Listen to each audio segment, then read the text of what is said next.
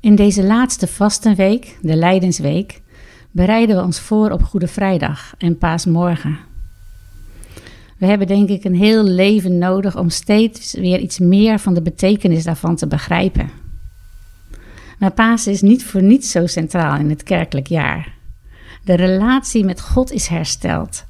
Zijn shalom, zijn heelheid, die op elk terrein van ons leven mag doordringen, is beschikbaar voor ons. Door Christus lijden, door zijn dood, door zijn leven. In Romeinen 5 staat dat we God prijzen, danken we aan onze Heer Jezus Christus, door wie we nu al met God zijn verzoend. We zijn verzoend.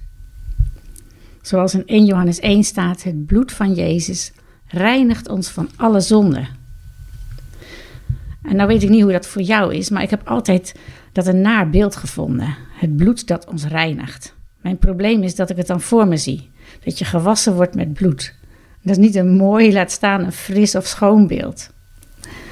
Totdat ik bij de voorbereiding op een aflevering van bij over verzoening stuitte op Leviticus 17. En daar staat: Want het bloed is de levenskracht van een levend wezen. Want bloed kan als levenskracht verzoening bewerken. Hoor je dat? De levenskracht van Jezus, die reinigt van alle zonde. Zijn levenskracht vloeit over wat dood is in mij, wat zondig is in mij.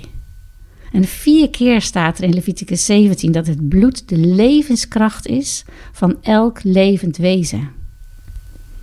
Daarom stierf Jezus, om letterlijk zijn levenskracht aan jou en mij te geven. Ik vind het zo'n adembenemende gedachte. Ik vond, denk, ik ben, ik ben niet heel jong meer, maar dat het nu pas echt tot me doordringt dat dat bloed van Jezus levenskracht is.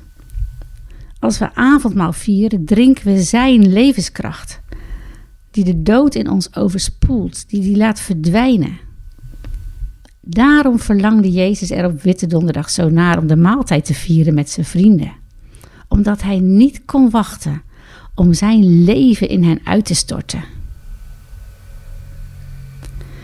Heer Jezus, dank u, dank u Dank u voor dit ontzaglijke, levensveranderende geven.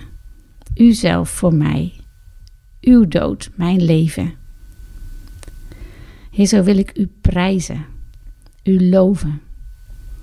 Dank u wel dat dit leven ook niet het laatste is, maar dat we het eeuwige leven al van u gekregen hebben.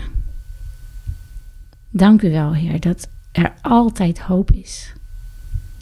En dat u door uw geest dat keer op keer aan ieder van ons duidelijk wil maken. Ook vandaag.